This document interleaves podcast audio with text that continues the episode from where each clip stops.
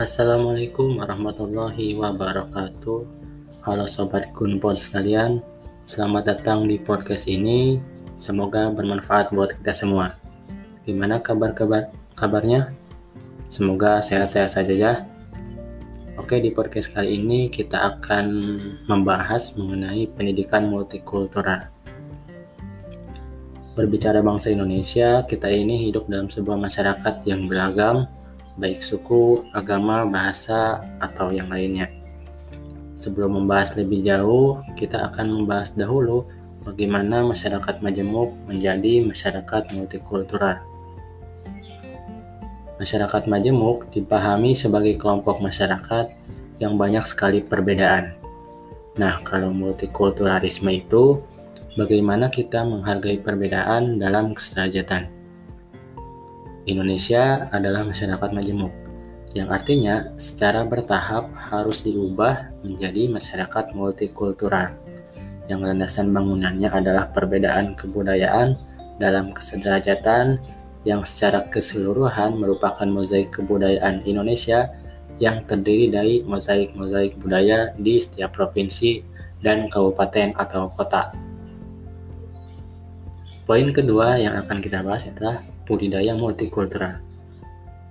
Kita paham bahwa kebudayaan sebagai pedoman hidup juga dipunyai oleh masyarakat manusia dalam bentuk pranata-pranata atau institusi seperti keluarga, sekolah, pasar, pemerintahan, dan sebagainya. Pemahaman antar budaya atau saling memahami kebudayaan masing-masing dari dua orang atau dua kelompok yang ada dalam sebuah masyarakat tidak mungkin akan tercapai bila tidak ada kesederajatan di antara yang saling memahami. Oleh karena itu, dalam multikulturalisme ditekankan adanya prinsip kesederajatan. Nah, ini dia poin yang paling penting adalah pendidikan multikultural. Kita paham sebagai masyarakat Indonesia tentu membutuhkan pendidikan multikultural. Arifin mengemukakan pendidikan multikultural sebagai wujud kesadaran tentang keanekaragaman multikultural, hak-hak asasi manusia, serta pengurangan atau penghapusan jenis prasangka untuk suatu kehidupan masyarakat yang maju dan adil. Tujuannya apa? Tujuannya agar setiap elemen masyarakat dari berbagai latar belakang suku, bangsa, mempunyai konsep diri yang positif mengenai kelompok lain dan berkontribusi dalam e, berkehidupan yang beraneka ragam. Nah, menurut Beng, dia mengungkapkan bahwa ada lima dimensi utama dalam pendidikan multikultural. Apa saja itu? Yang pertama, ada integrasi konten Artinya sejauh mana uh, guru menggunakan contoh dan substansi dari beragam budaya dan kelompok sosial. Yang kedua adalah proses konstruksi sosial. Artinya, bagaimana dalam membantu siswa untuk memahami, meneliti, dan menjelaskan dalam membangun pengetahuan.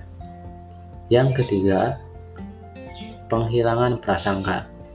Guru membantu siswa untuk mengembangkan sikap yang positif terhadap keragaman budaya, etnik, dan rasial. Yang keempat, ada pedagogi yang secara artinya memfasilitasi agar siswa dari kelompok ras, budaya, dan kelas sosial yang beragam bisa mencapai prestasi yang sebaik-baiknya. Dan yang terakhir, ada struktur sosial budaya. Terwujud ketika budaya dan organisasi di sekolah ditransformasikan bisa merasakan kesetaraan. Nah, upaya-upaya pendidikan multikultural ini dapat dilakukan dan bisa dilakukan dengan pendidikan formal baik dari SD hingga universitas melalui media massa atau bahkan buku-buku cerita dan tentu harus didukung oleh berbag oleh banyak pihak. Oke, itu saja yang bisa disampaikan. Terima kasih telah menyimak eh, pendidikan multikultural, kajian studi masyarakat Indonesia. Sampai berjumpa kembali di podcast selanjutnya. Wassalamualaikum warahmatullahi wabarakatuh.